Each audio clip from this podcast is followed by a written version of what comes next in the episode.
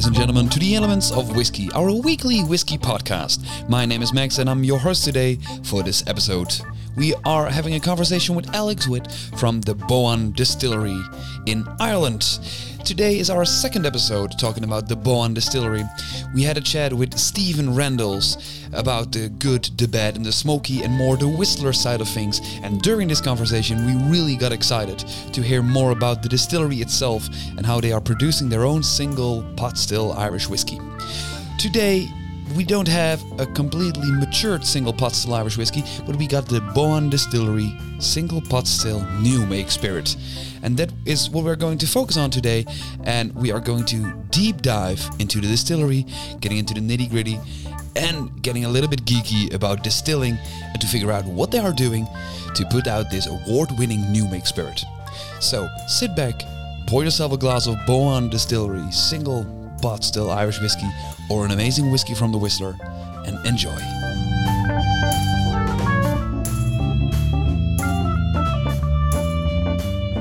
I'm sitting here today with uh, with Alex. Um, yeah, Alex, you are uh, working at the Boann Distillery, but could you please introduce yourself first? Yeah, so my name is Alex Witt. Um, I'm originally from Gettysburg, Pennsylvania. You know, first started on my, my journey of, of booze. Uh, I was a home brewer. Um, I moved to, to Bend, Oregon, which at one point Bend, Oregon had the highest number of breweries per capita in the United States a town roughly about 100,000 P29 breweries in the kind of immediate area. So there was a lot to choose from. Got into home brewing, thought, you know, I might as well just do this professionally. So uh, my original plan was to go to Oregon State University for their fermentation science. Uh, but met my wife, who is from Ireland. Uh, realized that I could go to university in Europe for a fraction of the cost. So applied to Heriot-Watt University in Edinburgh for their brewing and distilling undergraduates of the four year four year program. Um, and yeah, went there and originally, you know, started with the intention of going into beer, working in a brewery. Uh, but then a friend of mine, um, he came over from Singapore to do the same course. Got to talking, kind of opened my eyes a bit more to whiskey. So I got involved with the Heriot-Watt University Whiskey Society and thought, you know, maybe maybe drift a little more towards uh, distilling as a profession instead. So I worked at Glasgow Distillery for the final two years of my of my studies, as well as brewery for the first two years. Uh, so got a lot of practice working work distillery. So my my wife's family is from Dublin, so Drogheda was a perfect place to look uh, for a job. Saw the the job posting for here, applied for it, talked to Pat, Pat and Peter uh, over Zoom. And because I did my honors degree, uh, or my, my bachelor's degree honors project in whiskey distilling, but using oats, it was okay. almost perfect crossover yeah. for their vintage mash bills. I told them what my, my honors project was. They said, That's perfect. We're doing something very similar, looking at all these vintage mash bills uh, brought up by Fionnán O'Connor and his, his project. So that would be a great fit offered me the job, and this was 2020. So during COVID, we managed to come over during a lull in lockdowns, and I actually was working before I even took my final exams. Took my final exams remotely. Okay. so I, I had a job even before I was awarded the, the, the diploma. So everything worked out great started as the assistant distiller, uh, but then recently took over as head distiller. You mentioned during your your study that you were uh, doing an honors project with distilling with mm-hmm. oats. How does this come to be, and, and, and why particularly oats? Uh, well, it, it was getting close to the, the time of my studies that I needed to decide on an honors project. So I was listening to Matt Healy's podcast where he had Fionnán O'Connor, his pot stilled radio, um, talking about Fionnán's research, how you know Irish whiskey recipes 100 years ago were distilled this particular way, not so much anymore. So I thought it would be be an interesting research because a lot of the research that's done has to do with Scotch single malt, and that's pretty much it. A lot of the research that's done is done in-house. You know, different larger distilleries would do it, probably would willing to share it as much as as the, as brewing. So it was it was also a good project for me because I'm more of a kind of hands-on learner. So I didn't have a whole lot of kind of you know peer-reviewed research to go off of. So I had to do it all myself, and it was great because you know you just you know I formulated these mash bills, mash them, distill them in a very small small setting, um, and then just write my project from there. So what I did was I wanted to compare uh, malted to unmalted oats. So I did seven seven mashes, one 25% malted oats, and then the next 50% malted oats, 75% malted oats, with the difference just distiller's barley. Okay. Um, and then the, the same thing, 25, 50, 75% with unmalted oats, and then of course with the 100% barley control. And then just you know mash them very small, small mashes, uh, compared gravity, pH, all the kind of basic basic parameters uh, and then distill them, see what what mash I got the best alcohol from, stuff like Mhm. that. So it was all very small. I think my, my wash distillation was about 500 milliliters. So it was yeah, Oh, wow, very okay. very small, uh, very small setting. Uh, And this, this, this, the, the results. Um, do you feel like now that you're distilling at, at the Boann Distillery that you actually have a lot of you can put this to use? Yeah, because because one of the, the the mashing parameters that I did for the unmalted oats was mashing it at a colder temperature so that you activate the natural beta glucanase inside the malt to break apart those beta Okay. glucans so you don't end up with porridge, breakfast porridge basically. So Yeah. uh, and that was one of the things that I was able to carry over whenever I started here. You know, we had numerous people saying, well, because one of the recipes that we wanted to do was 30% oats, and we had numerous people saying, don't do this. You're gonna just end up with loads of problems. It's not gonna ferment fully. It's not gonna lauter. It's just gonna be a nightmare. But because of my research, I was able to say, no, we won't. We will be perfectly fine. Uh, sweating a little bit when I said that, but everything turned out to be okay. So we mashed it at a colder temperature, 40 degrees, uh, 20, 20, 30 minutes. I can't remember exactly. And it lautered perfectly fine, had no issues.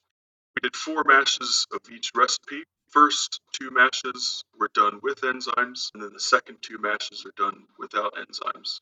There was was a, a decrease in yield without using enzymes, but you know all of the mashes fermented down to say mostly dryness, uh, maybe one Hmm. above water or one above or two above water. So um, definitely not as much trouble as, as everyone sort of Was expecting. expected. So yeah, we got through it, and it paid off because now probably you know, once or twice a year, we come mash bill, recreate this, a very oat, sweet rye, raw barley quantities, so a lot less sweating.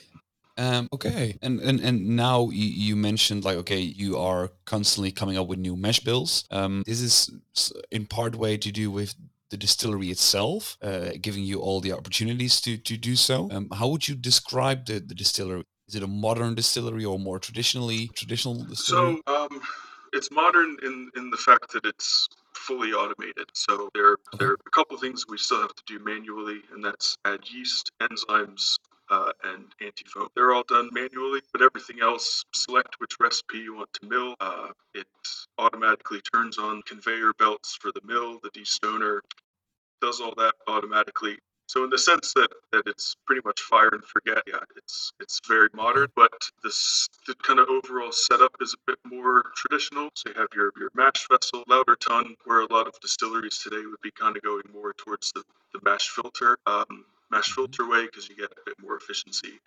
Um, the stills, uh, steam fired, and the shape of them, they're Okay. kind of very wide shouldered, kind of low sloping shoulders. Uh, so the shape of them can maybe be a bit more traditional. Old yeah. fashioned traditional. Uh, whereas today you might go taller, taller, slender stills to get a, a softer spirit. It's a little bit of both. Okay, I want to quickly run down through the equipment because you, you mentioned a few few different things, and this for someone who might be very into brewing and working with different types of, of grains. This is nothing special, but as someone who is mostly known and mostly knows about the, the single malt production and only working with malted barley, you guys have a lot of equipment that is very unusual to say it like that, like a destoner and different types of mills. And can you guide me through that a bit?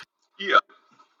So with with pot still whiskey, because we use unmalted barley, that barley more or less comes straight from the field to us. Okay. So a destoner is very crucial because you will get stones, uh, you know, bits of you know maybe tree root or something, something else you don't necessarily want going into your mill. Whereas malt, Yeah. uh, you know, it gets more processed, you know, filtered and strained and screened and stuff like that. Mhm.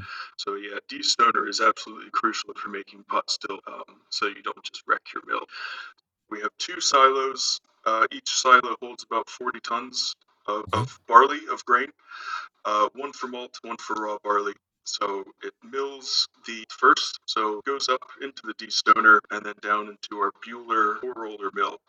So you have 4 Mhm. four rollers, two sets of two. So the one on the top uh, you keep slightly wider because the idea is just to kind of lightly crack the grain without destroying the husk. And then the second set of rollers is is a bit tighter, so that you actually crush the barley, get it inside, create a bit of flour, so Mhm. so you get a bit, better yield.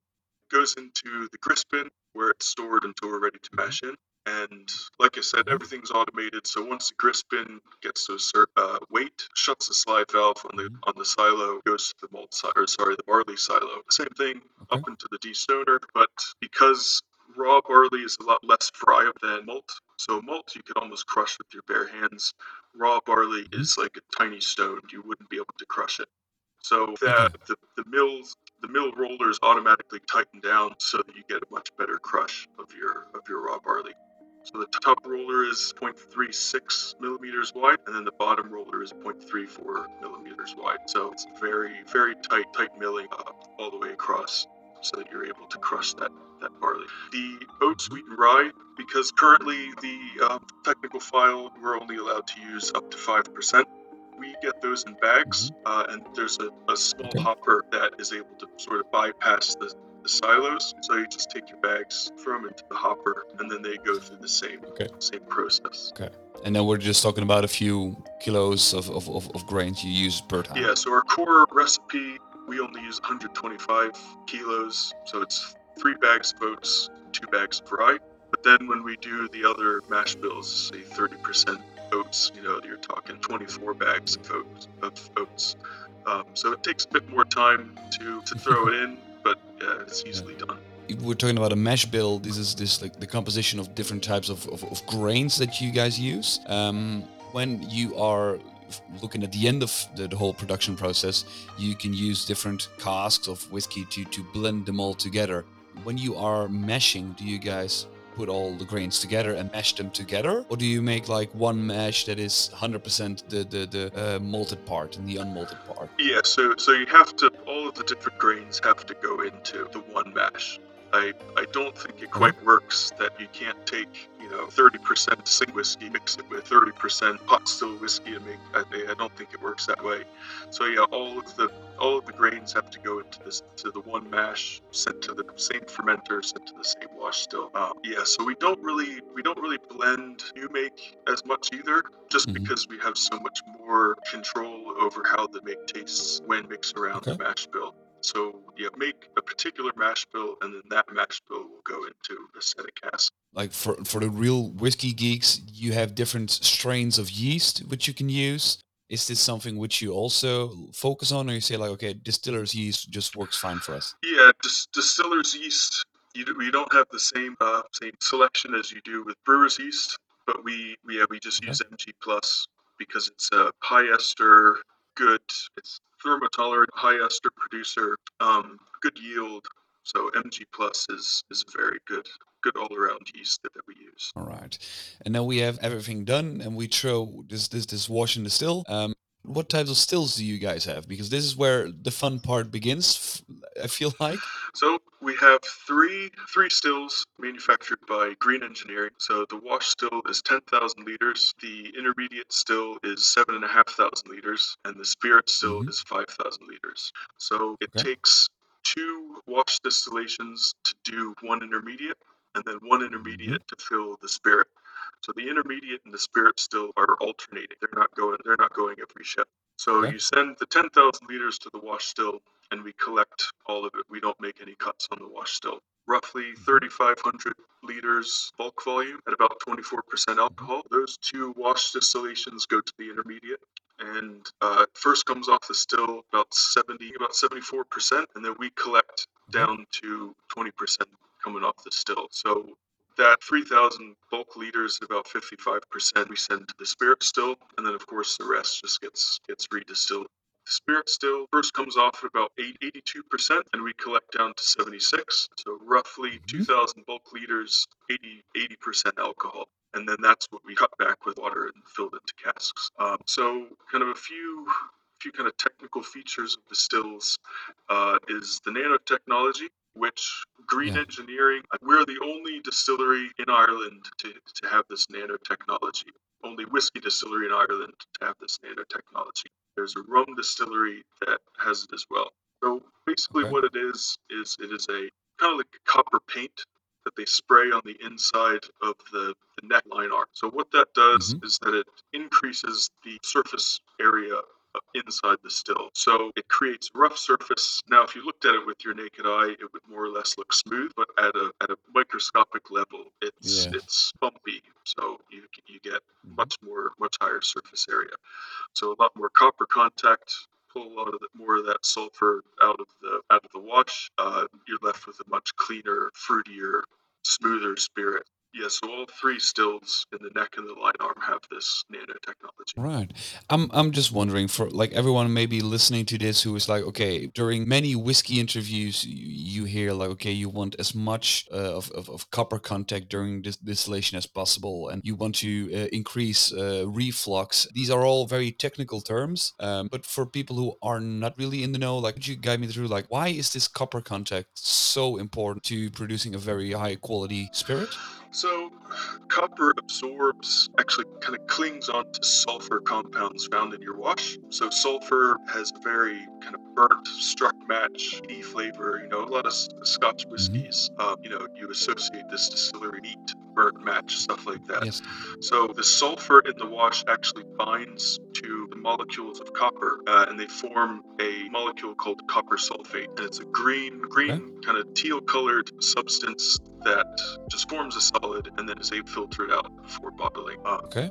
so yeah, if you look at the the, the spirit safe of a whiskey distillery, particularly the, the spirit still, you'd see this kind of green residue inside the bowl. That's copper sulfate. Yeah, Uh, okay. That's and that's how how it works. And it, this is is a distillery, like, oh, but also in, in Scotland, I hear a lot of distilleries who are trying to increase this copper contact to to reduce these sulfurs. Um, what for the, the consumer? What would these sulfur uh, translate into flavor wise? Um, yeah, uh, campfire, struck match, stuff like that. Uh, so Okay. a lot of how a lot of other distilleries increase their their copper contact is they can undercharge the still. Uh, Okay. so if your still is seven thousand liters, you only put five thousand in, so that you have that extra space on the neck or the sorry the, the Okay. shoulder to get more copper Mhm. contact. That of course means you need to produce less. So it's your distillery is less efficient. So yeah, the Mhm. nanotechnology is a great way to you know get that copper contact, but still keep your stills so you're able to work at, peak uh, peak efficiency. And reflux is another team which I hear a lot, and you guys can also play around with reflux. Uh, so inside the neck of the intermediate and spirit still, we have a, a coil, and inside that coil, Okay. we can pump glycol through. This glycol is between 8 and 10 degrees. So, because you have Okay. this surface inside of the neck of the still, all of the less volatile, uh, heavier, oilier compounds will recondense into a liquid on this coil and then fall back into the still. So, we, we actually do a type of spirit that we call uh, reflux dichotomy. It's basically Okay. where you take the spirit distillation, and for the first half of the spirit distillation, we have this coil on. So all these oily compounds recondense on the, the, the coil down, fall down into Mhm. the still, and that allows your lighter, fruitier spirit to pass through. So we collect that separately, send that to, to one of the spirit tanks, and then for the second half of the distillation, you turn that coil off. So all of Mhm. those compounds that were kept down into the still are now able to rise up into the spirit receiver. So your final Mhm. product will be a lot more viscous, oily, uh, you know, a bit more heft heft to it. So it, it just gives us more more capability in blending. So if we wanted to do a Okay. you know a winter warmer PX mature or PX cask whiskey, use a little bit more of the heavy stuff for a summer rum cask whiskey. Use a little bit more mm-hmm. of the light stuff. And do you do you catch these different parts? Do you separate these as well? Because like normally w- when distilling, people talk about the head, the heart, and the tail part, which they they separate. Um, do you also separate it as soon as you turn down this this condenser inside? So yeah, the, the heads and the tails would be collected as normal. So we collect Okay. the 80 liters of, of heads, and then anything past Mhm. 76% is the tails.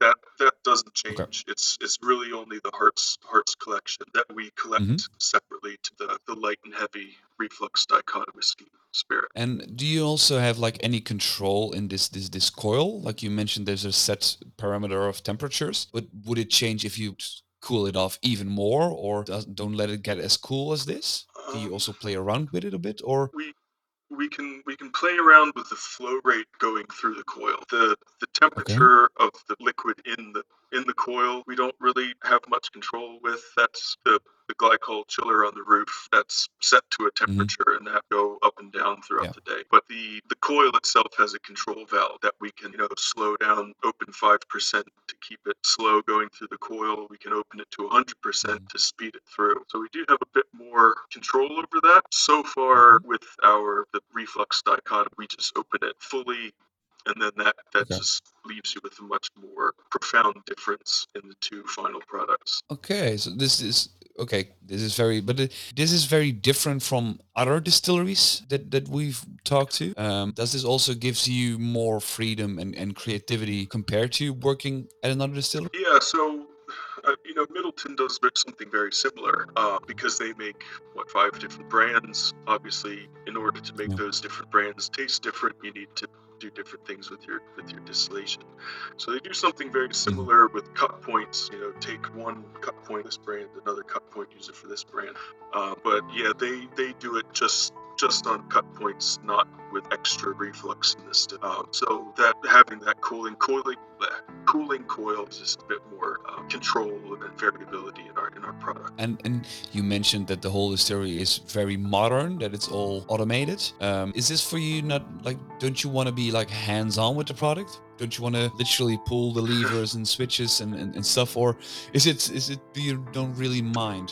Um, pulling pulling levers and handles and, and monitoring the differential pressure through a through a, a mm-hmm. underback is definitely more fun. Um, but you know, it, it, it's also hard in it the bigger you get in a distillery because with us, a lot of the pumps and valves and stuff are down in the basement. So yeah, it'd be tough to, to look inside the underback and be like, oh, I better slow down the pump, run downstairs. So yeah, the bigger distillery you get, you kind of have to go more towards the um, automated side. It also provides consistency uh, because you know the, the guy on the morning shift might do things a little differently as opposed to the guy on the, the evening shift. So so that's another yeah. reason to, to go with automated route. You you say like okay, there are different shifts. Like how many hours a day are you guys running distills? So it's it's 24 hours a day, kind of like a five day a week schedule. So, and oh, because okay. I mentioned earlier 66 hour fermentations, it's a kind of production schedule reason. So mm-hmm. we have two, you have two days of three shifts. And then okay. third day, have a night shift. So that night shift off gives your, your washbacks the time to get up to 66 hours. So, but then once we get these two new washbacks put in, you'll that'll fill that third night shift gap. So you'll be able to go 24 hours a day, seven days at 72 hours. It's isn't this like I'm, I'm always like as a whiskey uh, enthusiast and whiskey lover you always look at the romantic side of, of, of, whiskey and distilling and but if i hear like you are you are planning on producing 24 7 literally um don't you feel like this this this this magic get gets lost well, there, there is a there is a romantic side to making whiskey, and there's also a practical side to making whiskey. Now, if I feel like the romantic side is is better fit more towards small distilleries. When again, when you get to a, a place this big, it needs to be commercially viable. It's expensive mm-hmm. to run. Uh, like it, there are some things you have differently in order to yeah. make it work. So you know the mm-hmm. 66 hour thing. It's it's you're you're finding that middle ground to your maximum fermentation time, be able to get the max best flavor as possible, but also so that you're not just shutting down for a day to let a your day. washbacks get up to up to temperature. Uh, but then you know we we we recognize that that in the production schedule. So we said we need to get 10, two more washbacks put in so that we even make better spirit. Let, let it ferment, let it cook for another another eight hours, uh, and still still be able to, to produce and be, be commercially viable. And you, you, also like being commercially viable. You also need to to make sure that you can uh, get enough cash flow to to, to pay for everyone. Um, like how big is the distilling team currently? So there are uh, six distillers, including myself. Um, we Okay. we also work closely with uh, Carlow Institute of Technology. Uh, they have a brewing and distilling Mhm. program, so we've had, had a few a few people, students from them, come work for us in the summertime. Uh, TUD, uh, uh, there's a girl that was working over the summer with us. Uh, she's actually going to come back over the weekends as well. So yeah, there's a lot of students that are willing to gain practical knowledge that are are happy to come uh, work for us in the summertime. I think there's there's 16 people total that work in the distillery, um, with Okay. distilling, and then a couple people in the warehouse, logistics, and then all the sales and marketing. And as a as a head distiller, are you like now? I, I'm slowly want to get into more the single pot still side of things from from the Boann Distillery. But um, if we take a look forward first, when we're talking about blending different uh, casks and different spirits together, is it something that you are also involved with, or is it as soon as it's in the casks, it's up for the next person in line to to, to play around with? Yeah, so we recently brought on um, a guy. He's originally from Drogheda. He was he was working in London for for a couple of years. wanted to wanted to come home, so we've actually brought him on as the kind of more final product blending side. Um, Okay. So yeah, I'll I'll be making the the new make, and then he'll be doing the final product, uh, and he'll also be doing a lot of the Whistler Whistler blending um, in the future as well. I think with production, Whistler blend, low end blending, we're also putting in a small brewery that I'll be in charge of. Um, it'll it'll just be I'd be very busy. So uh, yeah, Yeah, we- a bit yeah, too we much. brought on on and uh, he's great. He has a lot of experience with blending, which I don't. I'm, I'm kind of new in the whiskey industry still. So uh, no, I think he'll be he'll be a good fit. Cool. Looking forward to it. Um, if we take a look now to to single pot still, could you please explain to everyone who might have heard it from, uh, say, like a redbreast or something like that, uh, but don't know the ins and outs. like what is a single pot still Irish whiskey? So single pot still Irish whiskey is you, you have to use minimum 30% malted barley, minimum 30% raw barley, and currently up to 5% of other cereals. And those other cereals include oats, wheat, and rye. Uh, you're, you're not allowed Okay. to use corn pot still Okay. Irish whiskey. Uh, I was about to Uh. ask, like, what's what's the deal with corn, but it's not allowed. Okay. So yeah, corn. It, it, I think that's also sort of a historical thing. You know, corn just doesn't grow well in Ireland. So back hundred years ago, when they were making pot still whiskey, they just didn't use corn. So they just kind of Yeah. said, no, we can't use it today. Okay. Um, and this is so basically single pot still is just about the, mash bill, the grains. Um, but you also mentioned currently up to five percent other grains. Yeah. So pot still, you get a much more spicy, kind of earthy, almost like a dusty character, and that's from the from the raw barley. So, and like I said, currently, so the current Irish whiskey technical file states you can only use this proportion of, of grains. 30 35 so but a lot of the work that we've done with Fionn O'Connor uh, a lot of the research tireless research he's done in the looking in the archives, find Irish pot still whiskey recipes. They're using oats, wheat, and rye at much higher quantities, up to 30%. So we have kind of not not us solely, a lot of other distilleries and, and professionals in the industry have sort of formed a movement to get the Irish whiskey technical file changed to allow Okay. it's we're still going to keep 30% malt or sorry minimum 30% malt minimum 30% raw barley but allow us to use a maximum of 30% of these other cereals. So we have got kind of permission from the Irish Whiskey Association. Currently, uh, the decision is being made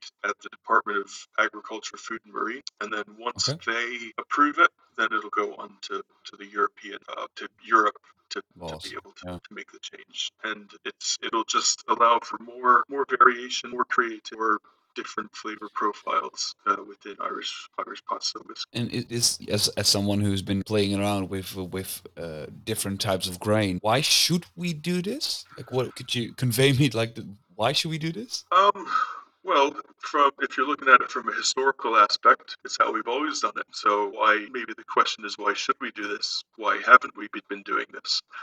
So there's that, uh, and it, it's like I said, it just it'll provide more more creativity, more poss- possibility for creativity, more variation in the product. Uh, you know, think of it like beer. You have lagers that use all lager malt, pilsner malt, but then you know the, you have so many different types of ales and stouts that use different different portions of caramel and crystal just to make things make things taste tasty. So. And f- like if I take a look here in the Netherlands, I feel like uh, the category of single pot still Irish whiskey is very uh, very small. Like there are not many people who are actually aware of it, uh, and it's not widely available. But if we change this rule and now we add more uh, more grains to it, doesn't it get more complicated? For someone who isn't as well uh, well known in single pot still. Like uh, for example, if I don't if I really don't like rye, and all of a sudden a single pot still could be no rye at all or thirty percent rye, um, this this this can be very very complex for a consumer. Yeah, yeah, I suppose I suppose it could.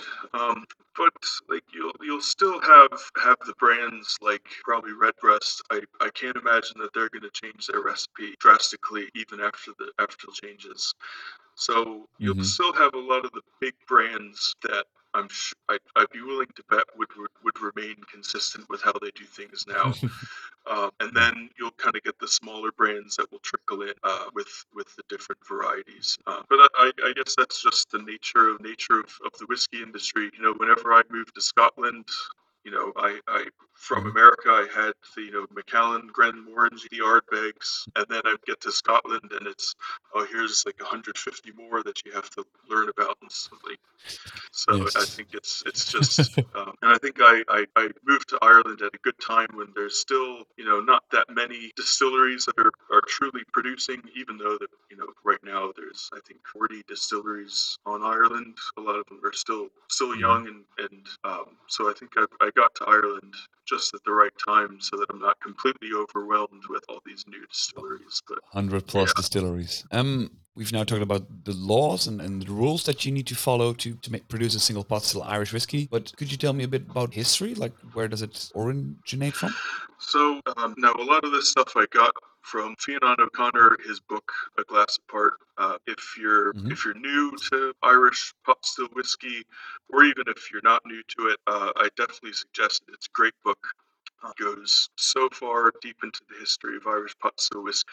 But you know, mm-hmm. Irish whiskey has always been sort of revered. Even there's a a quote by by Tsar Peter the Great saying, "Of all wines, the Irish is the best." Uh, now, this this was would have been more the kind of Ushkaba, the herbal kind of herbal new make, uh, so not quite whiskey that mm-hmm. we know today. But yeah. you know, Irish whiskey was always the kind of creme de la creme. Uh, but you know, a, a lot of a lot of people say that Oh, the reason why Irish pot still whiskey uses raw barley is because of the malt tax. That's not entirely true. Okay. Uh, found evidence of distilleries using raw barley even before the malt tax was introduced. Um, okay. Probably because it was just cheaper. Uh, so to, to kind of stay afloat, they're like, well, they, they understood that you could still get alcohol from raw barley, so they said, well, just use raw barley. And then the malt tax came in in 17, and they just said, well, we've already been doing it, so no big deal.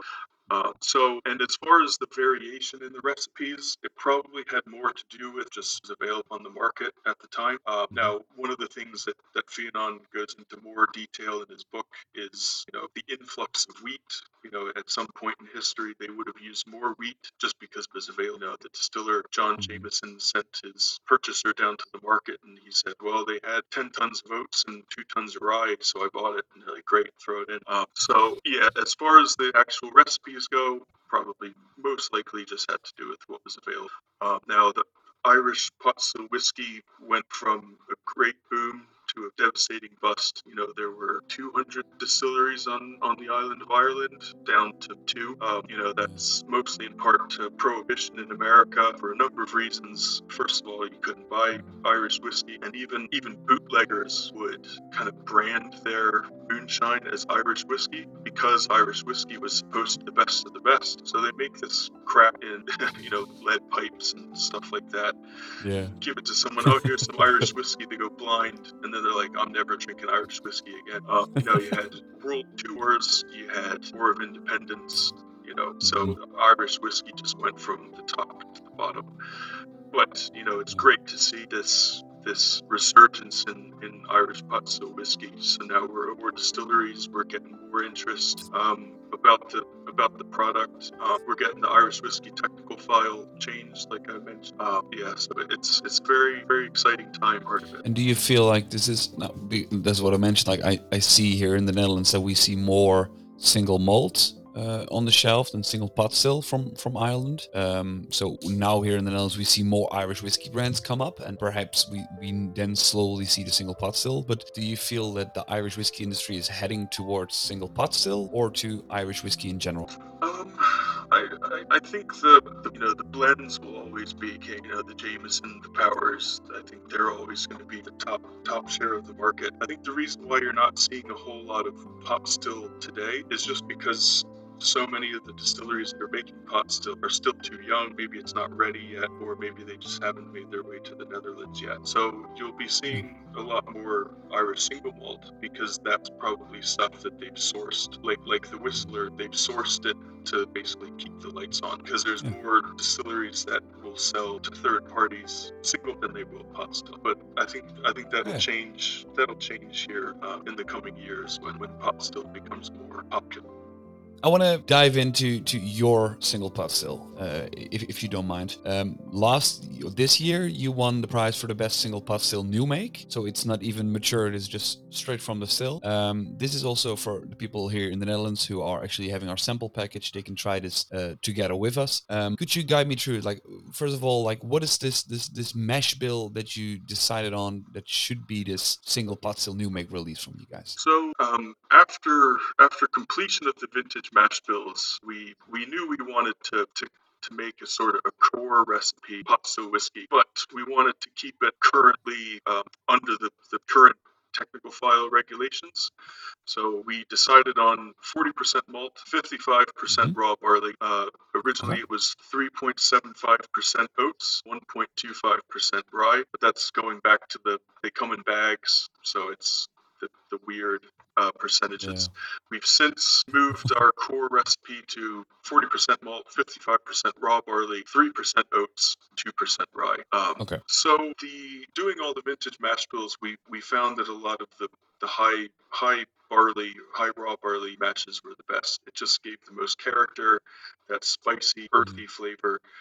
Uh, the oats we found gave a real nice kind of cream, uh, cre- kind of creamy texture, but then like a kind of powdered sugar, real real intense sweetness. And then the rye, you mm-hmm. know, that typical kind of black pepper spiciness, just kind of to kind of round everything out. Um, so when you sample it, you know, you get like custard, um, I get a bit of red apple, kind of ripe, ripe fruits, mm-hmm. uh, and then the palate. Yeah, it's definitely that raw barley spice. Raw barley spice. There's a birthday cake in America that okay. the, yeah. the edge would have this real crusty icing that some people love, some people hate. That's what I get. okay. It kind of has a crunchy, crunchy, sweet flavor to it. Uh, but yeah, I think the main um, Boann characteristic is kind of custard, uh, custard and kind of sugary sweet pastry. Uh, get get a lot from our new make. And if you like for for this this this new make, we've talked about this this coil within the the, the still to to to create more or less reflux. Um, how do you use it for this uh, single pot still new make? So for our core recipe, we actually just leave it off. Um, yeah, okay. And just and let let the still do its thing. Uh, and then for mm-hmm. about a week, we do the the light and heavy. So yeah, the the, the core okay. is is just we call it the medium. okay, medium. Okay, cool.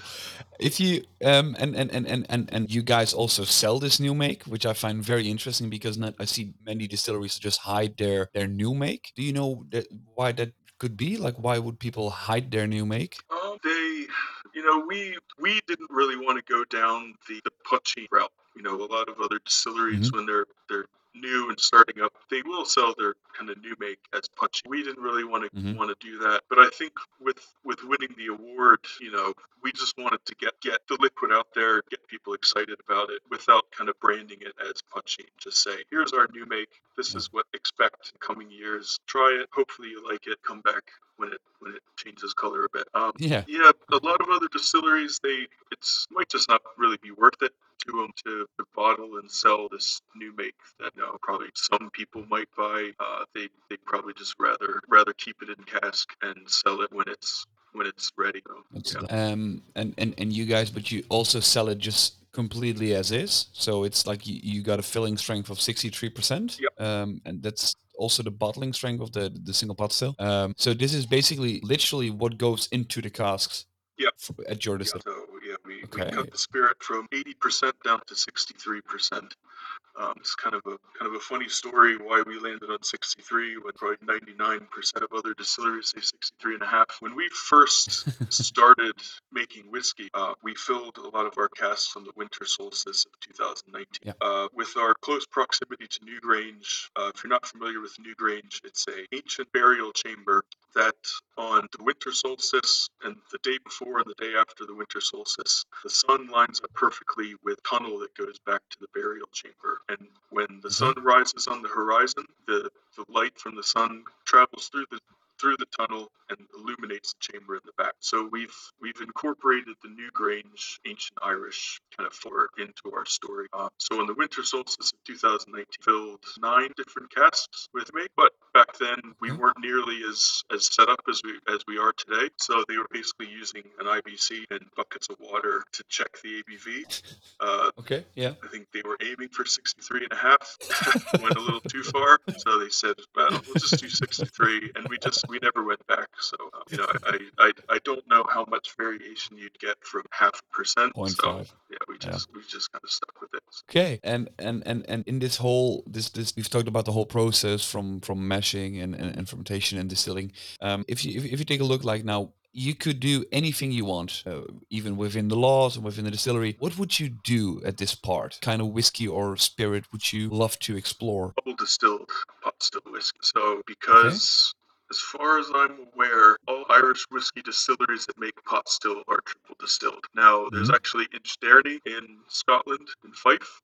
And there, I just saw an article about them a few days ago that they're making an Irish style pot still whiskey using malt, raw barley, to I think malted oats, either malted oats or malted rye, I can't remember. But they're in the true kind of Scottish style, they're going to be double distilling it. So I'd, mm-hmm. I'd be very interested to see what a double distilled pot still would taste like. No, just that that spice I think would probably be more pronounced. The the kind of oily texture of the pot still would just be double double what it is now. So yeah, be be very interested mm. to see to see how that would work. Uh, and we could do it with very minimal alterations to the to the systems. Okay, and and and, and if you take a look now at uh, you also produce uh, single malt, um, not to produce under the Boann name, but to to provide for the the Whistler brand. Um, are there some things you want to try out with single pot still or single malt, like a peated Irish single malt or anything funky like that? Yeah, yeah, we there's no no plans to do anything peated. Um, the Irish kind of you know there's there's one currently one and a bit